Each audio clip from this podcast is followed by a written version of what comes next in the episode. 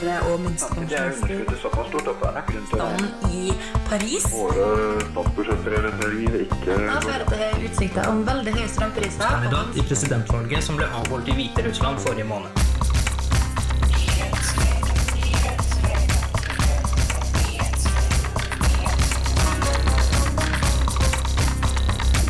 Nyhetsfredag.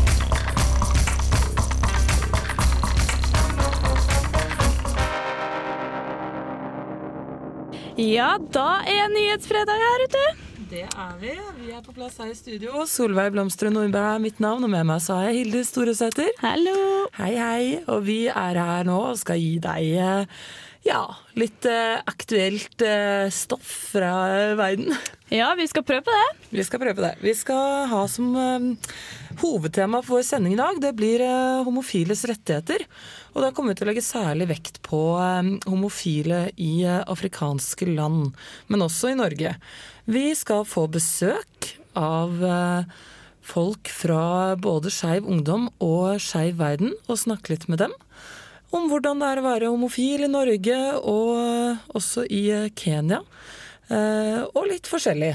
Men før det så skal vi ta og sette i gang fredags ettermiddagen din med en låt. Så vi tar og hører på Center of the Universe med Now and in the Future. Og vi kjører, kjører i gang en ny sang med Erika Badu med 'Window Seat'. Nyhetsfredag.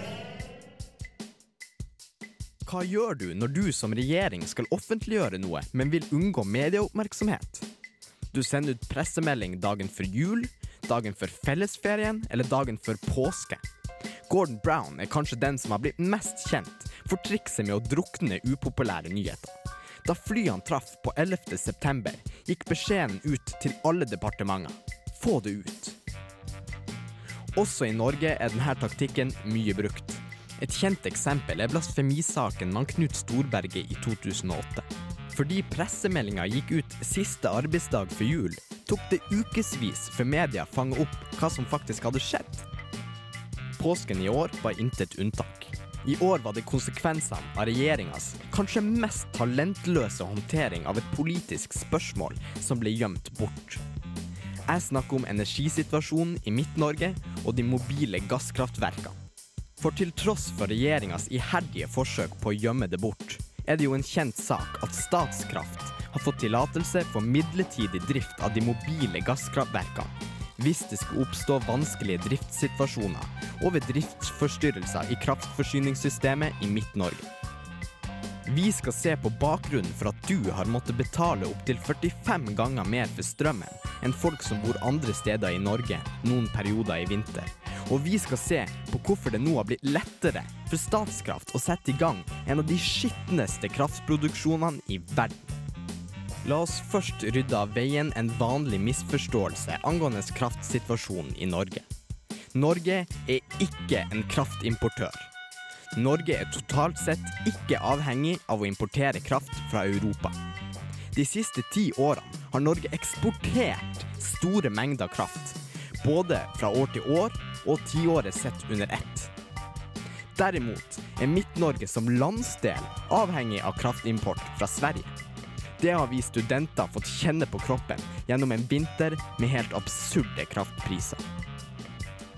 Midt-Norge har hatt et visst kraftunderskudd i lang, lang tid. Bakgrunnen er den store konsentrasjonen av kraftintensiv industri i regionen, slik som Hydro sitt aluminiumsverk i Sunndal. Men situasjonen forverret seg i 2007, da gassfeltet Ormen Lange starta produksjon. For til tross for advarsler fra stort sett alle, valgte den rød-grønne regjeringa å legge til rette for at feltet skulle koble seg til det ordinære kraftsystemet, uten å gjennomføre tiltak for å forhindre en anstrengt energisituasjon. Ormen Lange leverer gass til Storbritannia, store mengder gass. Og dette krever store mengder strøm, i størrelsesorden Trondheims totale forbruk. Folk i Midt-Norge oppdaga fort konsekvensene.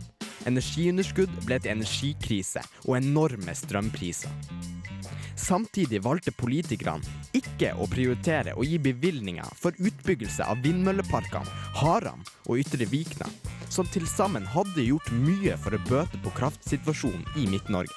Istedenfor valgte politikerne å sitte med hendene i fanget. Konsekvensen var at situasjonen ble verre og verre. Midt-Norge ble helt avhengig av å importere store mengder strøm fra Sverige, og kraftprisene ble bare høyere og høyere. Til slutt måtte regjeringa gjøre noe som til forveksling kunne minne om handling. Det ble brukt 2,3 milliarder kroner på å kjøpe inn to mobile gasskraftverk. Med en samla effekt på 300 megawatt skulle gasskraftverkene være en sikkerhet mot rasjonering og høye priser. Miljøbevegelsen raser, og det med god grunn. Mobile gasskraftverk er en av de minst energieffektive og mest forurensende måtene å produsere energi på. Utslippene er langt større enn fra kullkraftverk. Stort sett hvert år etter 2007 har det vært snakk om og krav om at gasskraftverkene må settes inn. Og i år, når Sverige kutta store deler av atomkraftproduksjonen sin, ble det virkelig kraftkrise. Og ropet var høyt fra Høyre, Frp og Arbeiderpartipolitikere om at gasskraftverkene skulle skrus på. Og til påske gjorde regjeringa det altså lettere for Statskraft å starte opp produksjon. Men i hvor stor grad ville oppstart av de mobile gasskraftverkene egentlig ha bøte på kraftkrisa? Ifølge Statsnett vil oppstart kun føre til marginalt lavere strømregninger på rundt 3 øre per kilowattime. Altså en veldig liten effekt når strømprisen på sitt høyeste kom opp i 14 kroner. Miljøbevegelsen har derfor argumentert for at en så marginal effekt på kraftsituasjonen ikke legitimerer oppstart av en energikilde som er 1,3 ganger mer forurensende enn dansk kullkraft. Til det her var det mange som henviste til det enorme beløpet som har blitt brukt på å kjøpe inn kraftverker. Om man ikke skal bruke kraftverkene, hva med de 2,3 milliarder norske kroner regjeringa har brukt på å kjøpe dem inn? Vel, dette er tidenes eksempel på politisk handlingslammelse og kortsiktig energipolitikk. For la meg presisere, det fantes alternativer. Vindmølleparkene, Haram og Ytre Vikna er nevnt, men ville nok ikke vært nok i seg sjøl for å unngå de mobile gasskraftverkene. Men 2,3 milliarder er ganske mange penger. Faktisk så mange at de kunne blitt brukt på å spare Midt-Norge ut av energikrisa. Radio Revolt har snakka med spesialrådgiver i Enova, Frode Gjerstad, som ikke ville la seg intervjue, men som bekrefta at et beløp på 2,3 milliarder i Enovas hender ville medføre betydelige energisparingsresultater.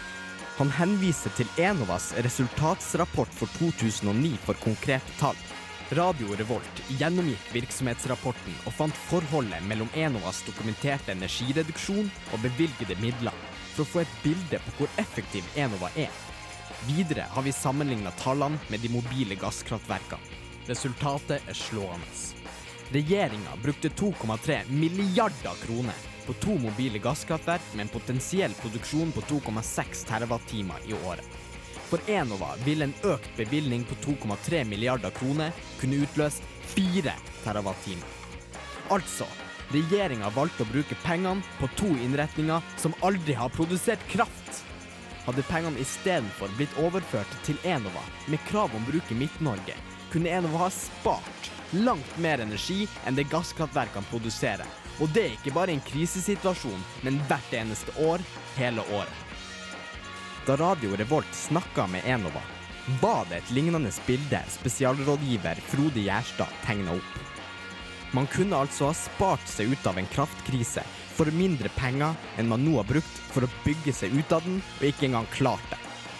Og man har altså kasta 2,3 milliarder penger ut av vinduet. Penger som kunne ha gitt deg og meg en lavere strømpris i vinter. Kraftkrisa vi så i vinter, var en politisk vedtatt krise. Og den høye strømprisen var et resultat av udugelige politikere. Ja, der hørte vi Egil Ytrehus sin eh, mening om energisituasjonen i Midt-Norge. Det var jo hyggelig. Eh, Vi, eh, vi er fortsatt her, eh, Jaktmag på Radio Revolt. Eh, Du har kanskje tuna inn på FM 106,2, eller kanskje FM 100. Kanskje hører du på på nettet, for alt jeg vet. Det er i hvert fall fredag ettermiddag, og vi er her. Og vårt tema i dag er egentlig ikke energi, men vi skal snakke om homofiles rettigheter. Og situasjon. Både i Norge og ellers i verden. Og i den forbindelse så har vi vært så heldige å få besøk av eh, Øygunn Medjå. Du er norsk led... Nei, unnskyld meg, nå er det går litt fort her. Du er leder eh, for eh, Skeiv Ungdom i Trøndelag. Ja. ja. Og vi har også fått besøk av Mats Kirknes. Du er leder av Skeiv Verden i Trondheim. Det stemmer. Så flott. Velkommen til dere. Ehm, det vi tenkte å snakke litt med dere om først, det var jo litt sånn eh, Egentlig hvordan eh, dere oppfatter det å være eh, skeiv eller homofil, lesbisk, bi i, i Norge i dag, da. Vi vet at situasjonen er ganske forskjellig fra land til land. I Norge så er det jo forskjellig bl.a. fra landsdel til landsdel, fra by til distrikt, og fra 14-åringer til 60-åringer. Veldig mange forskjeller her. Ja, eh, Kan du utdype litt der? Er det noe spesielt du tenker på? Altså, det er jo f.eks. veldig forskjell på bibelbeltet i Vestlandet og Sørlandet. Og Kanskje du f.eks. kan, i eh, Trondheim. Si litt om eh, hvordan det har utvikla seg, og hvordan var det å være homofil på 50-tallet i forhold til nå? Det er jo veldig stor forandring. På 50-tallet så var det fortsatt kriminalisert å være homofil i Norge. Hvis at to menn eh, ga hverandre en klem, så kunne man komme i fengsel for det, eller bli arrestert da, i hvert fall. En veldig ekstrem situasjon i forhold til hvordan det er i dag. Det er det så absolutt. Vi har jo heldigvis fått veldig forbedrede forhold. Ehm, jeg har tatt en liten kikk da på hvordan, det, hvordan forholdene er sånn eh, ja, litt, eh, litt grovt i, eh, i de forskjellige I noen av verdens land og riker. Og dere kan egentlig bare få høre litt om det, så skal vi snakke litt, med, litt mer med Mats og Øygunn etterpå. Vær så god. Du ser dem overalt. På byen, i arbeidslivet og på skolen. Homofile mennesker får stort sett være seg selv i landet vårt, og godt er det. Men slik har det dessverre ikke alltid vært. Homofili var faktisk straffbart i Norge fram til 1972, og ble i straffeloven stilt likt med sodomi, altså seksuell omgang med dyr. Bestemmelsen omfattet ikke seksuelle handlinger mellom kvinner. Disse ble ansett for å være umulig, siden de ikke omfatter penetrering. Paragrafen ble opphevet i 1972, og partnerskapsloven og senere den nye ekteskapsloven fra 2009 har gjort det enklere for homofile i Norge å leve likeverdige liv med andre nordmenn. Men fordommer mot homofile har hengt igjen i samfunnet, og er fortsatt et stort problem i mange land. USA har lenge vært et problematisk land å vokse opp og bo i for homofile. Nå kommer det fram at en rekke sykehus på eget initiativ nekter homofile pasienter å ta imot besøk fra deres partnere. Sykehusene argumenterer med at det bare er familiemedlemmer som får komme på besøk til pasientene. 15. april publiserte Det hvite hus et memorandum skrevet av president Barack Obama. Der tar han til orde for et nytt regelverk som vil forby sykehus å hindre besøk fra homofile partnere. Det Obama nå prøver å få til, er et regelverk som forbyr alle sykehus som mottar offentlig støtte, å nekte pasienter å ta imot besøk fra hvem de vil mens de er innlagt. Dette vil med andre ord gjelde de aller fleste sykehus i USA. Men vanskeligst er det kanskje for homofile i afrikanske land. Skeiv Ungdoms norske utsendinger i Kenya, Stian og Åshild, blogger om homofiles forhold. De skriver at man ser tendenser til at en del afrikanske land setter opp tradisjonelle familieverdier som en motpol til homoliberale verdier. Det blir hevdet fra flere hold at homoseksualitet er uafrikansk, på tross av at dette synspunktet blir fremmet med bakgrunn i kristendommen, som jo er importert til Afrika. Videre skriver de norske ungdommene at afrikanere overser det faktum at homoseksualitet er til stede i flere tradisjonelle afrikanske tekster, og at seremonier for likekjønnede par har vært tradisjon blant ulike stammer, bl.a. i Kenya og Uganda. Den rød-grønne regjeringen i Norge har viet mye oppmerksomhet til homofile, lesbiske, bifile og transseksuelles rettigheter. Og fra 2008 jobber også fire norske utenriksstasjoner spesifikt med å overvåke og rapportere om menneskerettighetsbrudd mot skeive personer. Kampen er så vidt påbegynt, og langt fra tapt. Sør-Afrika var tross alt det første landet i verden som grunnlovfesta forbud mot diskriminering pga. seksuell orientering. Og i Kenya ser man en påbegynnende åpenhet rundt spørsmål omkring homoseksualitet. Om regnbueflagget vil vaie i svarteste Afrika, vil tiden vise. Jepp. Der eh, fikk dere en liten innføring i eh, ja, sånn cirka hvordan det er å være homofil eh, både i Norge og i USA og også i Kenya. Eh, og akkurat det skal jo vi snakke litt eh, mer med dere om, Øygunn og Mats. Eh, vi hørte jo her at dere i Skeiv Ungdom har disse to utsendingene i Kenya nå. Og det er også et samarbeid med en annen organisasjon. Stemmer det? Ja, det er Skeiv Ungdom sentralt, eller hele organisasjonen, som har et samarbeid med GALK, Gay and Lesbian Coalition of Kenya. Som da vil si at vi har to stykker som blir betalt for å reise fra Norge til Kenya hver der i tre måneder. Og så kommer de tilbake, og da er de i Kenya hos oss. Ja. Eh, og de, eh, de, de som kommer fra Kenya nå til dere, eh, de skal også skal reise litt rundt og i hvert fall snakke litt om deres situasjon. De kommer jo til Trondheim og skal holde et foredrag eh, 13. mai. Stemmer det? Ja. Ja. Kommer de til å være her også da i flere måneder, eller hvordan blir det?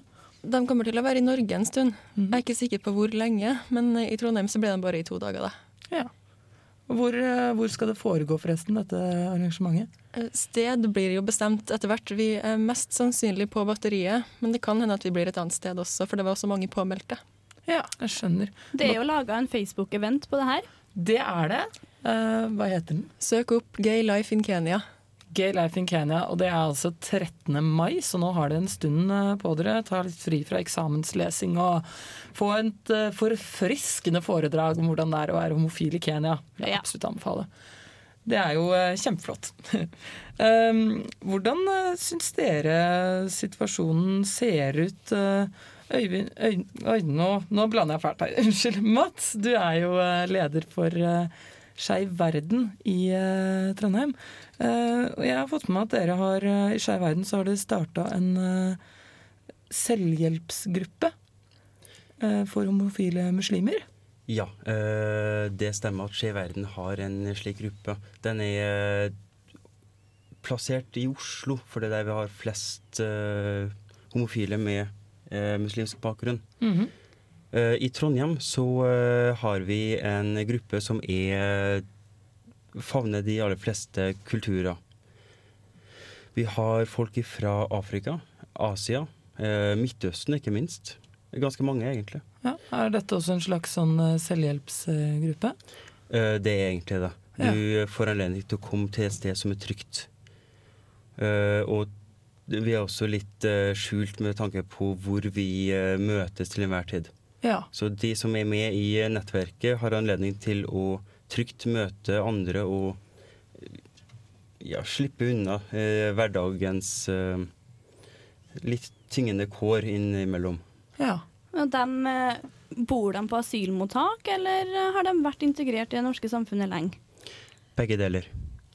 Eh, enkelte er holder til i asylmottak og eh, søker oss opp for å ha et sted å gå til. Eh, andre er, har vært her en hel del år. Noen er kommet hit for å arbeide. Vi har også folk fra Amerika, f.eks. Uh, mens andre har eh, vært her og fått seg studieplass og fått seg jobb etter hvert. Så det er åpent for alle uansett hvor du kommer fra og hvor du bor. Og Ja. Det er det. Vi er bare litt, eh, litt tilbaketrukket da, fra det offentlige liv. jeg skjønner det. Eh, Skeiv verden kan jo også bestå av eh, andregenerasjons innvandrere som har flytta hit med sin familie og ikke blir akseptert av foreldre, f.eks. For eksempel. Ja, så dere har litt uh, forskjellig type bakgrunn hos disse ungdommene. Og der uh, er det altså mulig å få luftet problemer i forhold til kultur og integrering og slike ting? Det som blir tatt opp? Ja, uh, du får anledning til å møte folk som har selv vært gjennom en integreringsprosess, og eh, dele en del frustrasjoner over det norske samfunnet, kanskje, og en del eh, bakgrunnshistorie om hvor man kommer ifra. Det høres veldig bra ut. Vi skal snakke litt mer om eh, situasjonen i Kenya, som vi jo legger egentlig hovedvekten på her i dag. Men før det så tar vi og spriter opp fredagen litt med Awesome Color med låta Vision.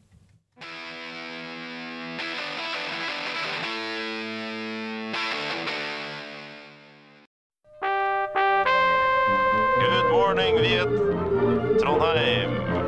Du er i Trondheim og hører på Radio Revolt. Da er vi tilbake igjen, vet du. Og nå skal jeg snakke litt om um, situasjonen i Kenya. fordi at I midten av februar så ble det publisert en artikkel i den nasjonale avisa The Daily Nation. Uh, Der det ble skrevet at det, det skulle stå et homofilt bryllup. Og to religiøse ledere gikk veldig hardt ut imot det her og sa at de skulle stoppe det her, koste hva det koste ville. Eh, Det skapte store oppstander i Kenya, og de mente at det her var ulovlig.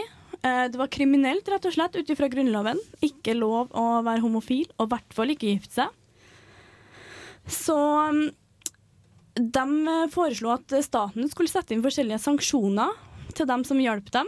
Eh, Blant annet å stenge hoteller som tok imot homofile, og nattklubber som eh, hadde homofile i seg, der de festa og ja, rett og slett bare var seg sjøl og var homofil. De skulle stenges og legges ned, mente de sjøl. Merkelig at de Jeg lurer på hvordan de egentlig finner ut eh, hvis noen kommer inn og skal booke et rom på et hotell. Å ja, du er homofil. Sånn. Ja, altså, de, det er jo angivelig homofile. De tror oh, ja. jo at de er homofile.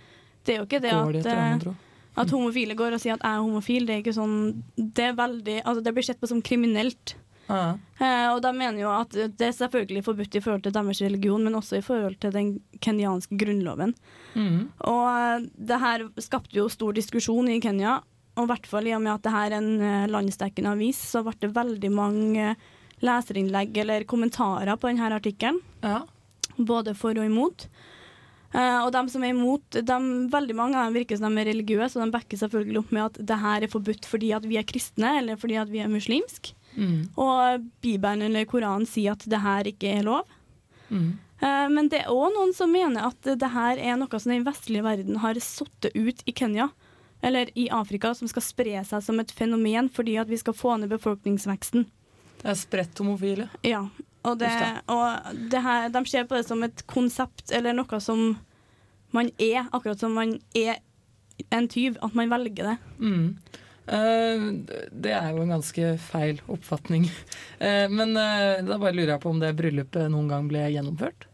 Nei, fordi at dagen etter at artikkelen ble publisert, så ble det store opptøyer og demonstrasjoner mot homofile i den byen her. Og da var det over 200, mellom 200 og 300 demonstranter som demonstrerte mot det her, og gikk til angrep på dem som de mente var homofile, rett og slett. Og utrolig nok så klarte de å sette homofile i fengsel. Og de eh, ble eh, misbrukt på forskjellige måter. Det ble bevist at de ble det. Og så, etter det her, da, så kom det fram at det skulle aldri være noe bryllup. Det var rykter som var satt ut fordi at de som er mot homofili, ønska å protestere og ønska kanskje å gå til angrep. Ønsket å fremprovosere en uh, reaksjon på det? Ja. Ja. Um, det, Det- Vi kan jo si så mangt om det. Det kan vi. Vi skal ikke si så mye mer, tror jeg. Men uh, vi kan jo heller uh, gi ballen videre til uh, våre fantastiske gjester her. Eh, vi har jo fortsatt med oss eh, Øygunn Medjø og eh, Mats Kirkenes eh, fra Skeiv Verden og Skeiv Ungdom. Eh, hva syns dere om eh, det som har foregått nå i Kenya, og for så vidt også Uganda de siste månedene og årene, må man vel kunne si? Det er jo ikke noen spesiell overraskelse med tanke på hvordan det var i Norge for bare noen tiår siden. Mm.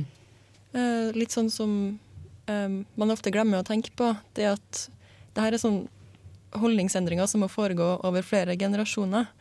Det er gjerne mange besteforeldre i det landet her som heller ikke syns det er noe særlig med homofili.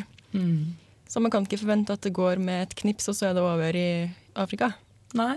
Eh, hva tror du er årsaken til at eh, det Hva skal vi si eh, At de ligger så langt etter? Da. Du kan si Selv om det er eh, holdninger av samme slag i Norge òg, så er det jo ikke opptøyer og arrestasjoner og alt mulig av samme slag. Hva, hva tror du skyldes?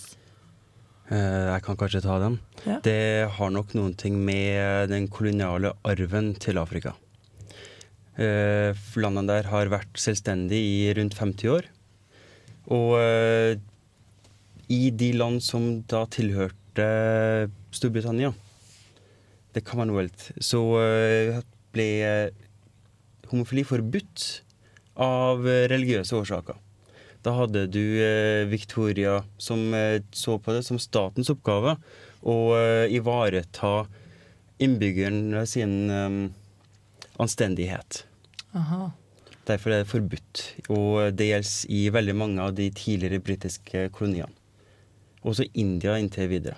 Ja. Inntil nylig, unnskyld. Inntil nylig, ja. Ok. Ja. Har jo situasjonen i India forandra seg? Ja, eh, de har eh, i fjor hatt et initiativ for å ta bort eh, straffeloven mot eh, homofili. Eh, jeg var der selv i 2005-2006, og da var det fortsatt ti år i fengsel. Så kanskje vi skal håpe på den utviklinga, eller jeg vil si at jeg håper på den utviklinga i Afrika. Ja, det, det tror jeg vi håper alle sammen. Eh, en ting jeg lurer på er eh, altså Hva slags eh, tendenser ser man? Kan si det er jo, Aids er jo et veldig stort problem i, eh, i veldig mange afrikanske land. Og det at eh, homofile ikke blir anerkjent, sammen med det at aids heller egentlig ikke blir anerkjent i mange land, eh, hva slags konsekvenser får det for, eh, for homofile? Det, ser man en veldig stor smitteeffekt, eller er det mange som eh, dør vil jeg ha sagt, av hiv? Eller hva vet dere noe om årsaken her? konsekvensen der? Um, Det er vel kanskje ikke et så stort problem for spesielt homofile i Afrika, for der rammer det så ufattelig mange. Mm. Så jeg tror hovedproblemet i Afrika er for uh, barn og familier, egentlig. Ja, men det er jo sikkert sant. Ja, men eh, vi så jo òg på den bloggen som de i Kenya har, at det har kommet plakater der det står at man må beskytte seg mot hiv og aids, og at det kan gjøres med kondomer. Så det er kanskje at uh, generelt informasjon øker. Og i hvert fall i og med at nå er den debatten her tatt opp. Det håper vi jo. Eh, Det er jo en eh, positiv utvikling, særlig i og med at det ikke er altfor mange år siden Sør-Afrikas president nektet for at aids var et problem. Vi håper jo bare at homofile vil få bedre leveforhold. Eh, Nå begynner jo tiden snart å løpe fra oss. Jeg må bare si tusen takk til eh, dere for at dere kom og eh, snakket med oss i dag. Lykke til med videre arbeid. Og så oppfordrer vi igjen alle til å delta på arrangementet 13. mai her i Trondheim. Yes, Da tar vi og fortsetter på Nyhetsfredag. Vi skal høre en liten låt. Her får du Big Boy med låta 'Shutterbug'. Ja, da er vi tilbake her i eh, Nyhetsfredag. Eh, vi har jo eh, hatt besøk, og det var veldig hyggelig. Øygunn Medjå og Mats Kirkenes var her. De kommer fra organisasjonene Skeiv Verden og Skeiv Ungdom. Jeg kan jo si det at Skeiv Verden, det er en et slags en nettverksbyggende gruppering, må man vel kunne si, som for tiden er basert i Oslo, Bergen og Trondheim. Eh, Ønsker du å ta kontakt med de, så kan du gå inn på skeivverden.no, og der står det kontaktinfo.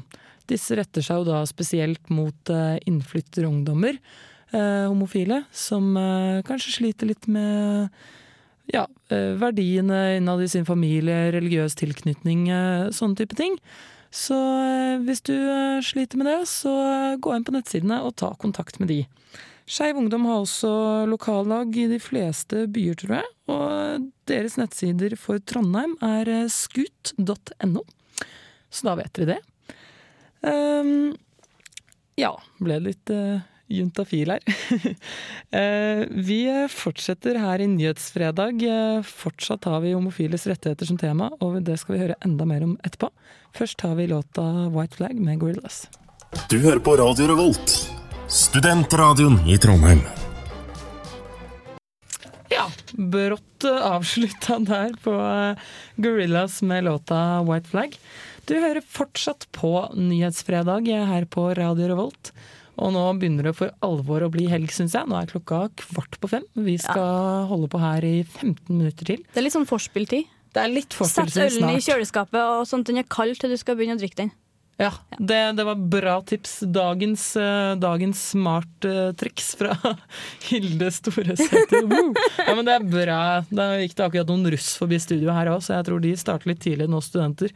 Vi får holde ut et par timer til før vi begynner å sprette ølen, syns jeg. Ok, da. Ja. Men fra spøk til alvor. Um, vi eh, har jo snakket veldig mye om homofili i dagens sending. Det skal vi faktisk eh, fortsette litt med. Eh, Vi nevnte så vidt eh, i stad litt om hvordan det er å være homofil i USA. Og vår reporter Idun Fivelstad fra Magasinet, hun laga en sak tidligere i år hvor hun tar opp don't ask, don't tell-politikken, som sies å herske i USA om hvordan det er å være homofil i det amerikanske forsvaret. Så jeg tror vi bare tar og hører på den, jeg.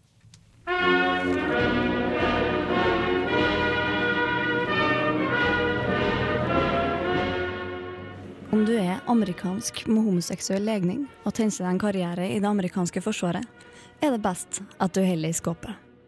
Om ikke kan du risikere å bli kasta ut, i likhet med 30 000 are under den militære forskrifta Don't ask, don't tell. Du har rett.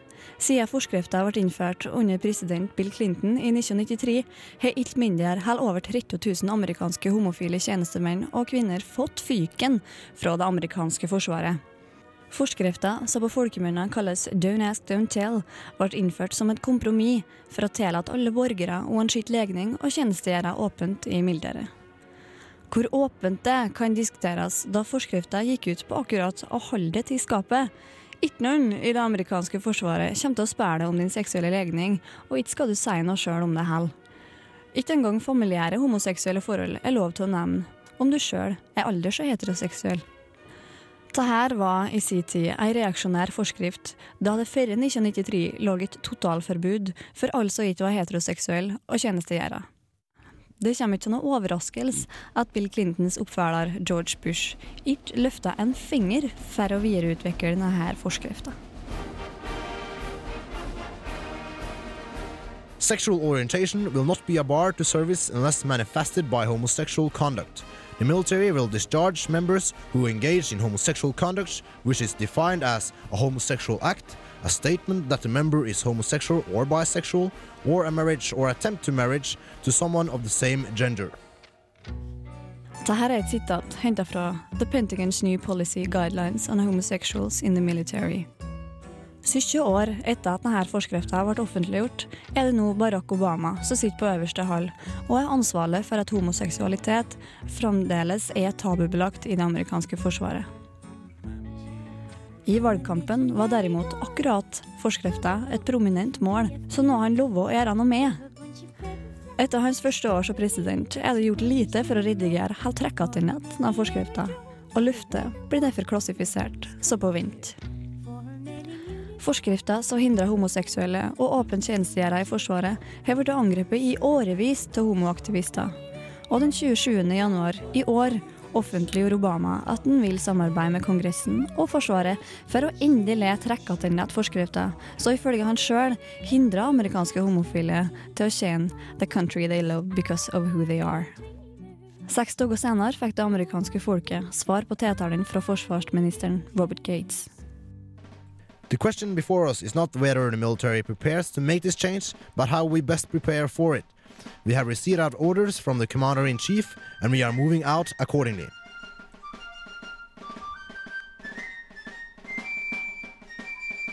Presidenten i Human Rights Campaign mener Gates' kommentarer er et historisk skritt framover i USA. Og på Norges vegne vil jeg bare si velkommen etter. Ja. Velkommen etter. Velkommen etter, det vil jeg også si. Eh, vi eh, skal ta og avslutte her. Eh, vi har snakka om eh, homofiles rettigheter, om å være homofil i Kenya, afrikanske land, Uganda. Ja, litt her og litt der. Så har vi hatt besøk, og det var veldig hyggelig. Fikk du ikke med deg denne sendinga og lurer på hva i all verden er vi snakker om, så kan du jo høre på reprise i morgen fra 12 til 1, tror jeg. Eller så kan du laste ned podkast. Det er jo litt mindre stress. Um, og så kan vi nevne kjapt igjen at uh, man bør absolutt gå inn og søke opp på Facebook Gay Life in Kenya. Ja, fordi at de skal ha en event 13. mai. Det skal de. Uh, og da kommer det to ungdommer fra Kenya og snakker om hvordan det er å være homofil. Ja, da, da må vi bare si uh, tusen takk for oss. Ja, ha det bra. Ønsker dere en fortsatt kjempegod helg. Og så håper jeg dere hører på oss neste uke. Ha det bra.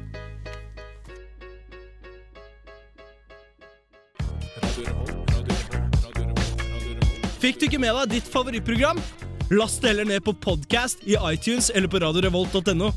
Podcast fra Radio Revolt, kvalitetsradio, når du trenger det.